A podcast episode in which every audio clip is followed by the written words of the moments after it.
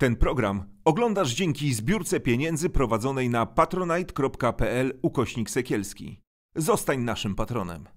Za każdym razem, kiedy spotykam młodych ludzi, którzy chcą pisać swoje prace licencjackie, czy magisterskie, czy, czy doktoranckie, mm, a które dotyczą e, społeczności popegierowskiej, to nie ukrywam, że oczywiście serce moje się raduje. I też było tak w Pana e, przypadku. E, obronił Pan pracę licencjacką, promotorem był Pan profesor Jerzy Kochanowski. Dokładnie.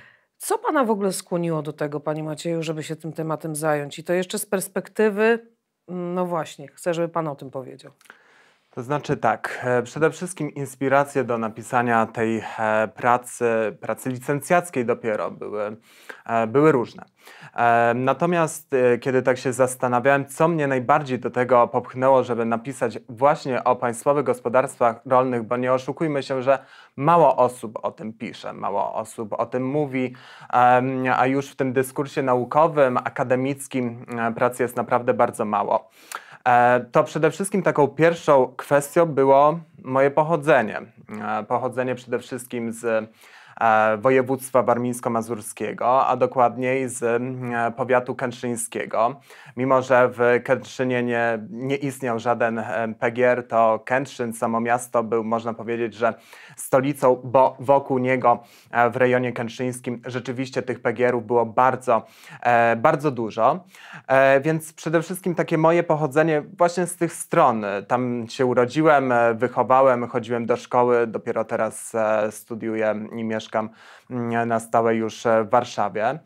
E, chciałem tego nie wspominać, ale, ale tutaj e, jest to kwestia taka nieunikniona. Również w podtytule mojej pracy było napisane, że wywiady z byłymi pracownikami PGR-u przeprowadzałem w roku 2020, a wiemy jaki ten rok był. Mm, zdalne nauczanie, zarówno w szkołach, jak i mm, na uniwersytecie spowodowało, że rzeczywiście przeniosłem się do moje rodzinne strony i nie chciałem tego e, zmarnować. E, te miesiące letnie rzeczywiście nie zostały zmarnowane i wykorzystałem je rzeczywiście do rozmowy z dawnymi e, pracownikami e, państwowych gospodarstw rolnych. Ale zwróćmy jeszcze uwagę na drugi aspekt, mianowicie to, że rejon kętrzyński, powiat, dawna część województwa olsztyńskiego, to są tak zwane ziemie, ziemie odzyskane, które były komponentem powojennych granic e, Polski. E, ziemie specyficzne, ziemie bardzo charakterystyczne pod względem etnicznym, narodowościowym, językowym, religijnym. Była tam mieszanka po prostu z, no, tygiel. ze wszystkim. Tak, dokładnie. E, ze wszystkich stron, ze wszystkich stron Polski. I również ta ziemia była charakterystyczna pod względem państwowych gospodarstw, bo kiedy popatrzymy na taką mapkę z zagęszczeniem państwowych gospodarstw rolnych, oczywiście one były na całej tutaj Rzeczpospolitej e, Ludowej, mm, ale największa ich kondensacja miała miejsce właśnie tam.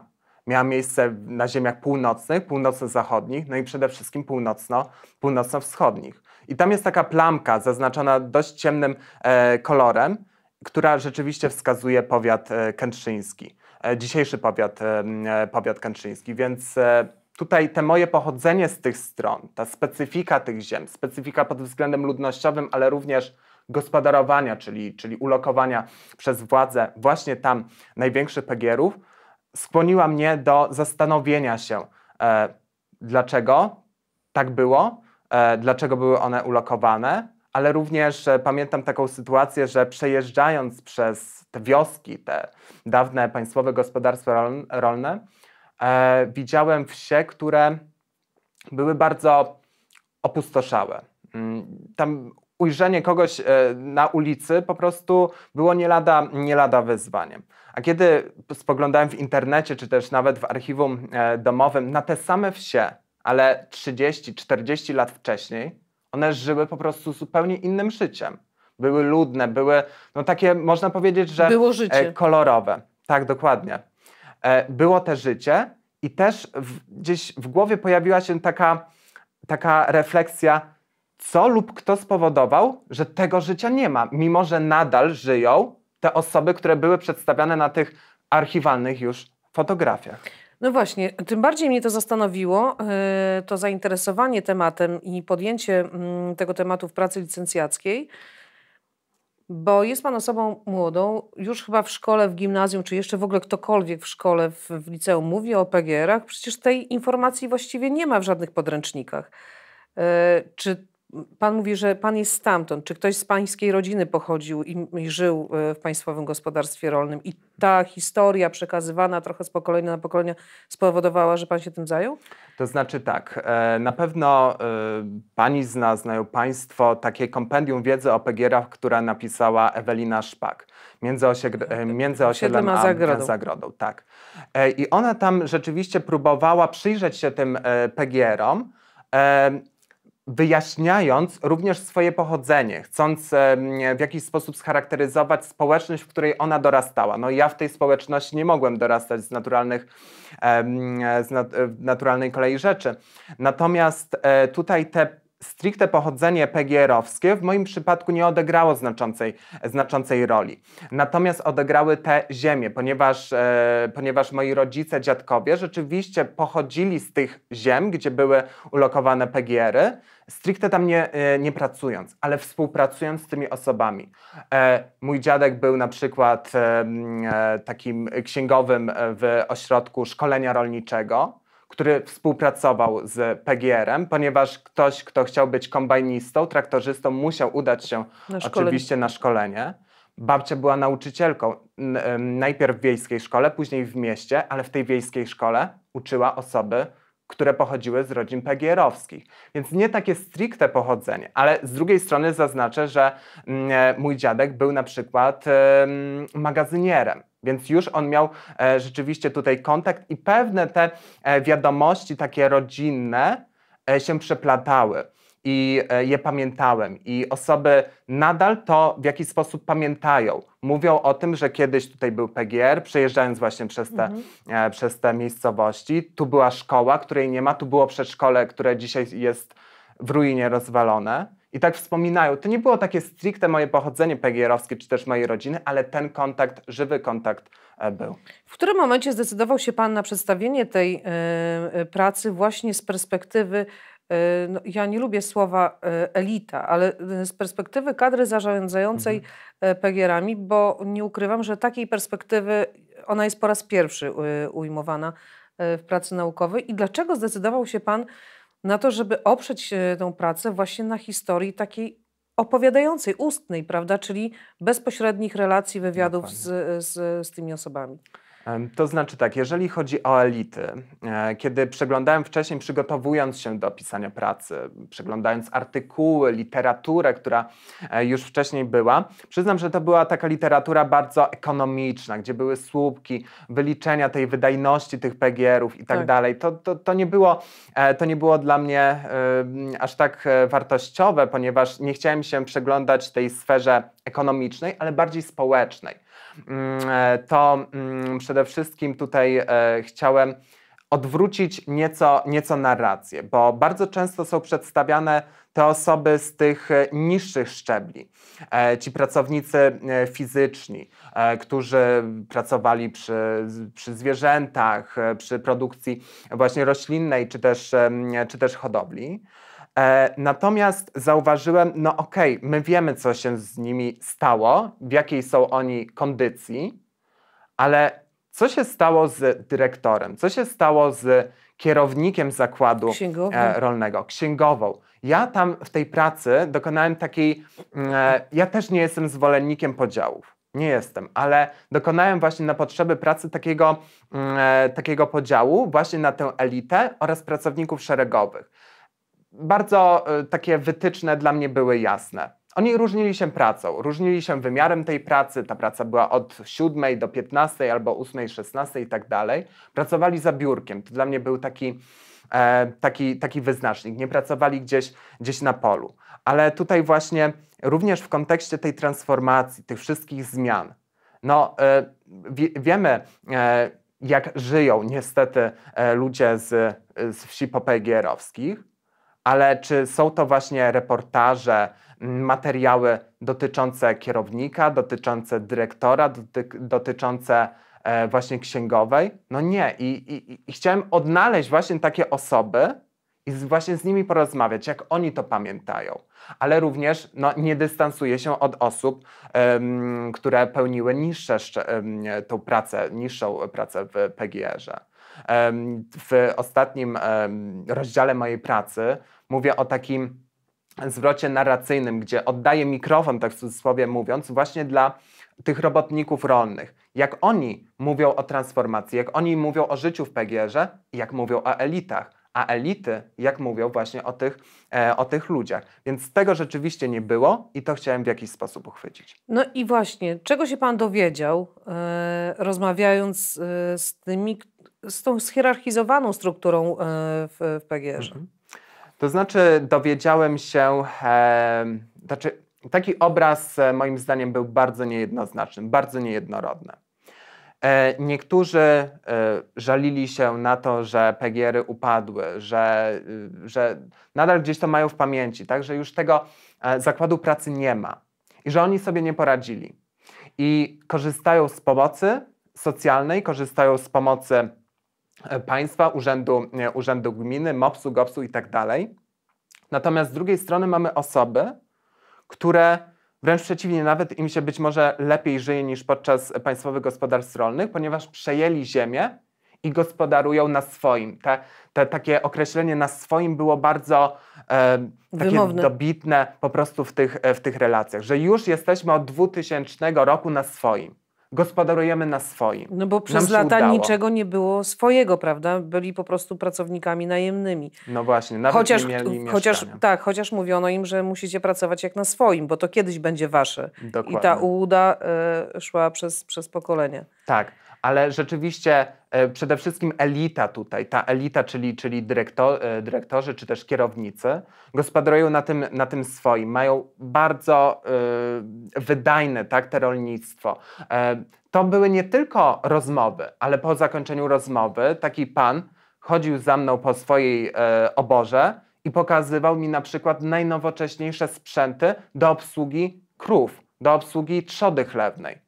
I rzeczywiście tutaj widać ten postęp, tak?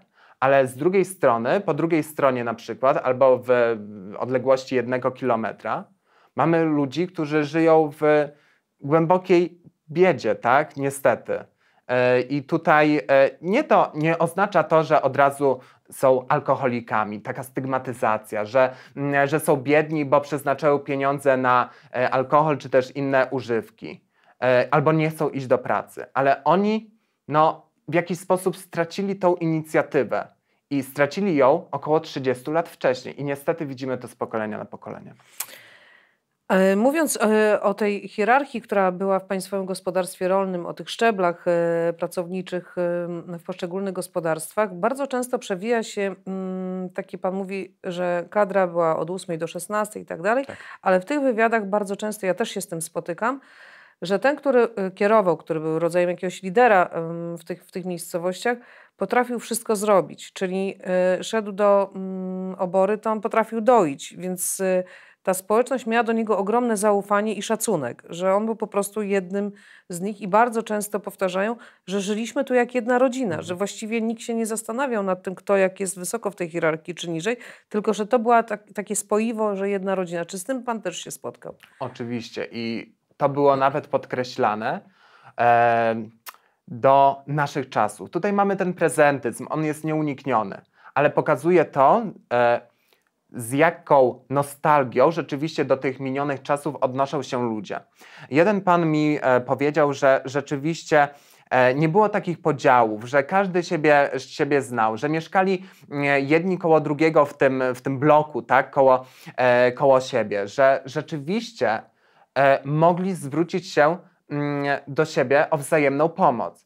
A dzisiaj, kiedy ktoś gospodaruje na swoim, ktoś ma więcej ziemi, ktoś ma mniej, takiego zaufania czy też pomocy być może, być może nie ma, bo ktoś zabiega o to, żeby mieć coraz, coraz więcej i gromadzić e, zysk. Jeden pan e, rzeczy, e, kolejny mówił mi, że zauważył tak, że kiedyś nie było takiej gonitwy, nie było takiego wyścigu po prostu jak jest dzisiaj. I rzeczywiście oni tutaj mm, stanowili taką lokalną społeczność, ale to również nie było łatwe. Wspomniałem o tych ziemiach odzyskanych, które były bardzo specyficzne pod względem ludnościowym. I dyrektor, z którym rozmawiałem, który rozpoczął w e, jednym e, kombinacie pracę w 1973 mm, roku, mówił, że jeszcze gdzieś tam e, się te spory, mm, e, te spory już się zacierały. To były lata 70., ale wcześniej ktoś kogoś wyzywał, że jeden jest Ukraińcem, drugi pochodzi z Polski Centralnej, ale mówi, mówił również, że kiedy następowała kolejna generacja, te spory się zacierały. Były jeszcze stymulowane przez alkohol i tak dalej, e, kiedy ludzie są e, bardziej odważniejsi, ale powiedział takie, takie słowa, że życie toczy się dalej. I rzeczywiście, e, rzeczywiście tak było. Ale również PGR, Państwowe Gospodarstwo Rolne, sprawiało pewną jedność tych osób dożynki, święta plonów, jakieś... Choinki zakładowe. Tak, tak, dokładnie zdrowa rywalizacja pomiędzy zakładami, mieli jakąś e, mistrzostwa piłki nożnej. No a dzisiaj, tak jak już wspomniałem, taka zupełnie, e, zupełnie bezludna, e, bezludna wieś. To sprawiało rzeczywiście jednoczenie i ludzie się czuli tam jak w domu. I ja jeszcze tutaj bardzo często wspominam, że praca i życie to są nieodłączne elementy e, funkcjonowania PGR-u, bo ludzie tam pracowali, ok, ale również żyli. I ta praca, życie w jakiś sposób e, się ze sobą łączyły. Szkoda, że nie zaczęto od nas. To jest dosyć takie znamienne słowo, e, zdanie, e, które się pojawia w pańskiej pracy. Mm, co mówią ci, e, którzy zarządzali tymi gospodarstwami? To jest właśnie cytat z, z jednego z pana rozmówców. Tak, to jest cytat jednego z dyrektorów lub, jak się nie mylę, zastępcy dyrektora, natomiast tychże osób rzeczywiście e, wyższych rangą. E, oni mówili e, o tym, że, że oni po raz pierwszy tracili jako kadra. Nie byli zwalniani osoby, mm, osoby te niższe, ale oni. Dlaczego? Ponieważ dyrektor wiedział, że oni jakoś sobie poradzą, że mają lepszy kapitał, lepszy start po prostu w tą nową, nieznaną rzeczywistość. I rzeczywiście oni tutaj po raz pierwszy e, tracili tę, e, tę pracę i w tej nowej ekonomicznie rzeczywistości musieli się w jakiś sposób e, odnaleźć. Ale co jeszcze, e, co jeszcze mówią?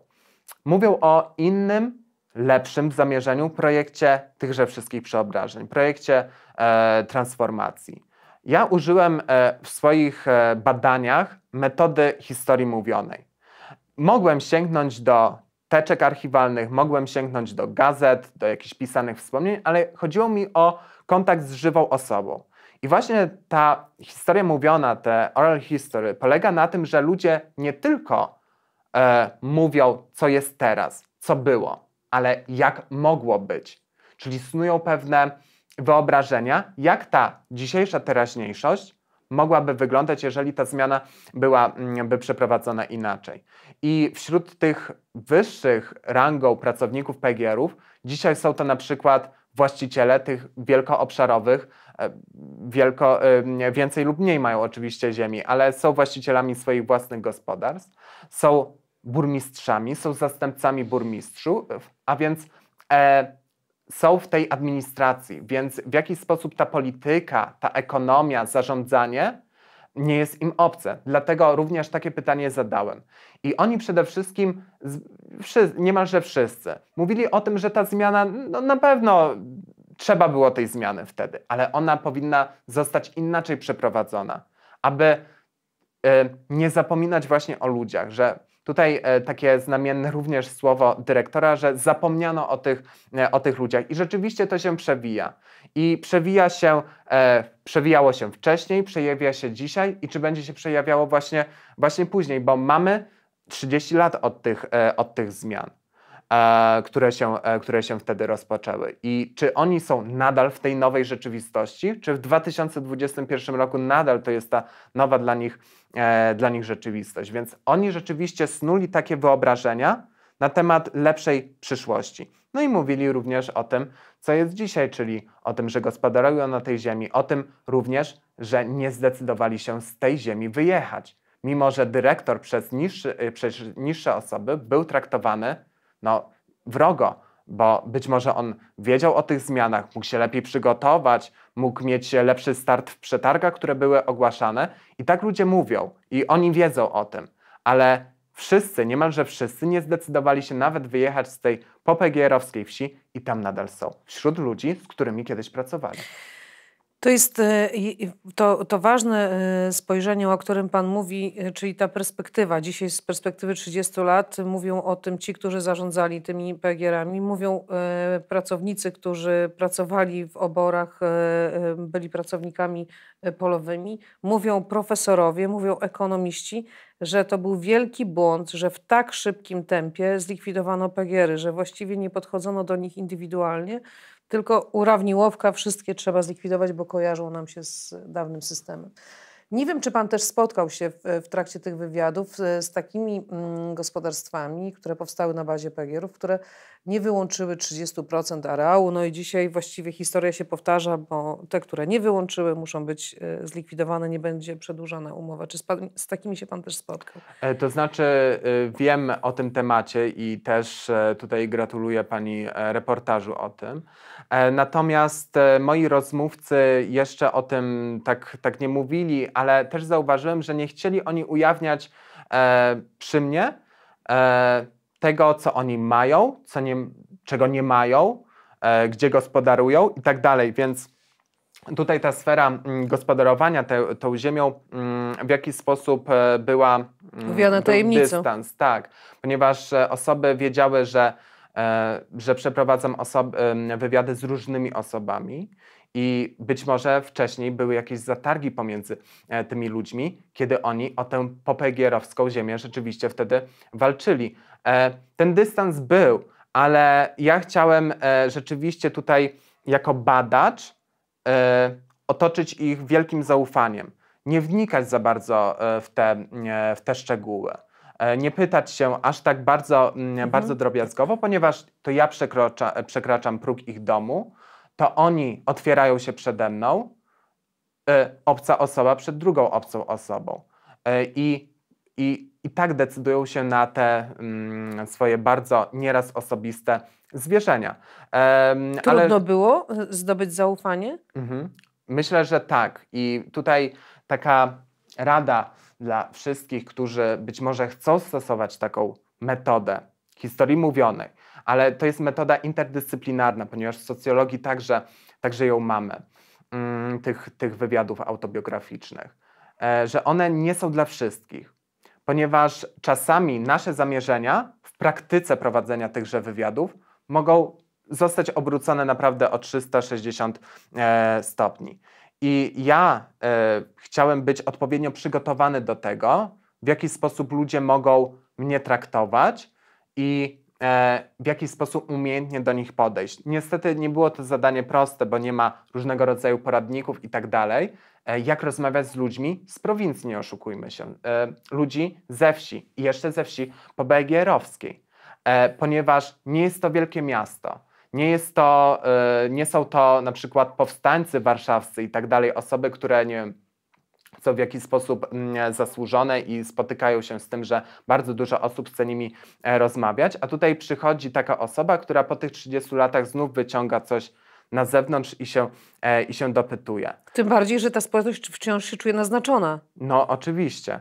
E, oni wiedzą, że niestety jest tak w mediach, e, czytają gazety, e, wiedzą o tych nowych ustaleniach rządu, że ta historia znów może zatoczyć koło i wiedzą o tym, że w jakiś sposób są nadal napiętnowani tymi tym mianem PGR-owców, tych ludzi ze wsi, tych ludzi niewykształconych, jeszcze pijaków i tak dalej. Nawet jedna pani księgowa po już wyłączeniu mikrofonu, bo takie również e, spotkania e, były, już poza, poza rzeczywiście tą kamerą, e, mówiła o tym, czy ten kadr z Arizony się powtórzył, kiedy ja z nią rozmawiałem i kiedy przyjechałem do ich wioski. Ja mówię, że zupełnie, zupełnie nie.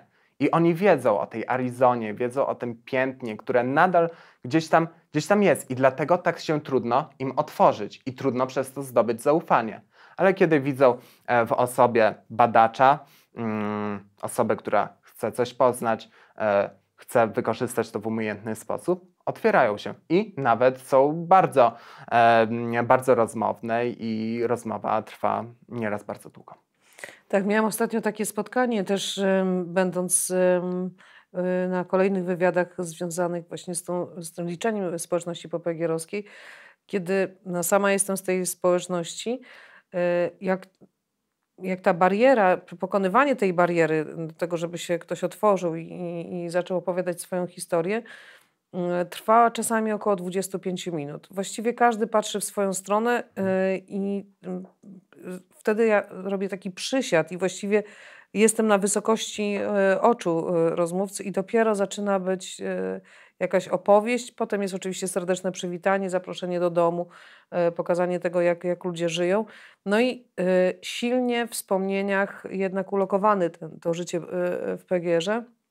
Czy Pan również tego doświadczył, że w tych wspomnieniach, w tej codzienności, a szczególnie w tym, że tu było przedszkole, tu była świetlica, tu mieliśmy boisko, tu był klub, i tego wszystkiego nie ma.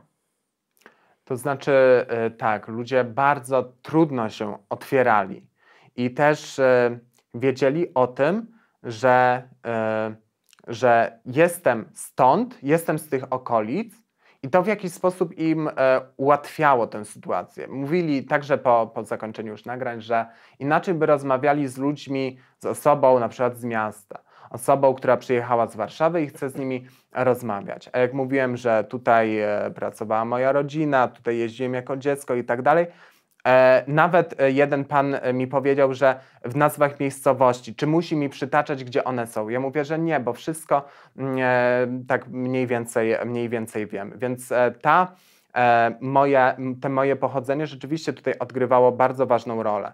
Ale mm, tutaj ten badacz musi być wyposażony w pewien aparat niemalże psychologiczny. Musi po prostu okazać empatię tym, tym ludziom.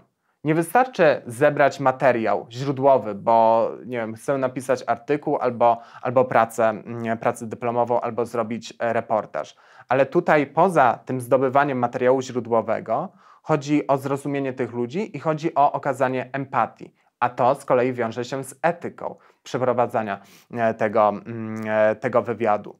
E, byśmy pomyśleli, że właśnie do tych powstańców, tak, nawiązując, którzy również są w tych relacjach oral history, że kiedy przeprowadzamy mm, takie wywiady z ludźmi z PGR-ów, to nie ma takich sentymentów, nie ma takiej wręcz powodów do płaczu. Myślę, że, myślę, że nie, bo, bo są czasami tak traumatyczne wydarzenia, które są w jakiś sposób znów eksponowane, wydobyte z tego magazynu pamięci, że pojawia się łza, pojawia się nostalgia, pojawia się pauza i zawahanie. I czasami nawet trzeba przerwać um, wywiad i, i, i, i zaproponować chwilę, e, chwilę przerwy. Mm, no I... właśnie, powiedział Pan, że nie ma takiego momentu. To, co e, jest takie właśnie chwytające za serce, kiedy rozmawiamy z powstańcami, prawda, kiedy tą historię opowiada się przy każdej rocznicy e, wybuchu powstania, to to, że ludzie z PGR-u zostali uznani, wielu o nich mówi, ludźmi, że byli ludźmi gorszej kategorii, to ich historia przez to nikogo nie ciekawi i uznawana jest za nieistotną i że ona jest pozbawiona jakiejkolwiek nostalgii i empatii. Pan się wzruszał na tych wywiadach? W paru przypadkach tak. Które to były momenty? No właśnie to, gdzie ludzie tłumaczyli, co kiedyś było, czego teraz nie ma.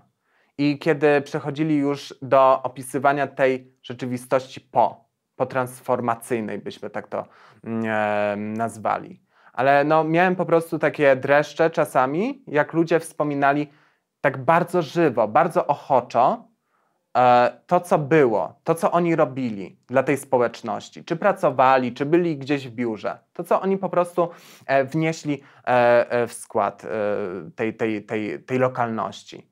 E, nie, nie musiały być to jakieś bardzo traumatyczne tak, wydarzenia, ale już sam ton głosu, samo zaangażowanie, kiedy, e, kiedy osoba zapominała o włączonym dyktafonie i pokazywała, mówiła, poka ukazywała fotografię, to było naprawdę wzruszające, że ludzie nadal mają to w pamięci, chcą się podzielić i tak pamiętają te czasy. A jeden z dyrektorów nawet przytaczał z pamięci wszystkie dane liczbowe, wszystkie areały, hektary i tak dalej. Więc proszę zwrócić uwagę, jak ten zakład pracy Był całym życiem. był całym życiem właśnie, właśnie dla nich. I być może nadal jest. Tak, znam wielu ludzi, którzy do tej pory wstają o tej godzinie, o której wychodzi do, do mm, pracy w oborze. E, Są osoby, które porozumiewają się właśnie między sobą. E, Słuchaj, jedź tam na 46 hektarów, bo pamiętają dokładnie areał tych działek bo, e, i tych pól, bo, bo pracowali na, na nich. Że ten rytm cały czas gdzieś próbują zachować. Czy zastanawiała Pana, czy spotkał się Pan z czymś takim jak cisza w tych miejscach? Tak, tak. I właśnie ta cisza była jedną z, tak jak mówiłem, inspiracji do napisania tego. Dlaczego jest ta ci- cisza? Dlaczego się pojawia? I no, przejeżdżając przez te wioski PGR-owskie, zastanawiałem się, no ale tutaj nie ma nikogo, to z kim ja mogę porozmawiać? Jak znaleźć tych ludzi? Gdzie oni są? Są, nie wiem, czasami w kościele w niedzielę rano właśnie, e, jadą, nie wiem, do, do, pobliskiego, do pobliskiego sklepu, ale tych ludzi nie ma. Jest cisza. I naprawdę to były takie miesiące letnie, e, naznaczone niezwykłą ciszą. No oczywiście wieś i tak dalej, e, miejsce spokoju, ale ta cisza była aż taka przeszywająca. I również ta cisza e, z drugiej strony była obecna w wywiadach, kiedy były takie momenty, gdzie ludzie przerywali, zastanawiali się, ale były to pauzy. Ja w swojej transkrypcji rzeczywiście zaznaczam, że jest to pauza, że osoba się zastanawia. My na piśmie nie możemy tego oddać, to trzeba odsłuchać, ale nawet odsłuchanie tego nie daje, bo trzeba po prostu mieć taki żywy, e, żywy kontakt. Więc ta cisza, no, z jednej strony wartościująca, ale czy na tak dłuższą metę jest korzystna? Bardzo serdecznie Panu dziękuję za obecność, za Pańską pracę. No i oczywiście życzę Panu e, kolejnych sukcesów naukowych. Mam nadzieję, że temat byłych państwowych gospodarstw rolnych będzie obecny w Pana e, pracy zawodowej i naukowej. Dziękuję serdecznie. Ja dziękuję Pani, dziękuję Państwu. Ten program oglądałeś dzięki zbiórce pieniędzy prowadzonej na patronite.pl ukośnik sekielski. Zostań naszym patronem.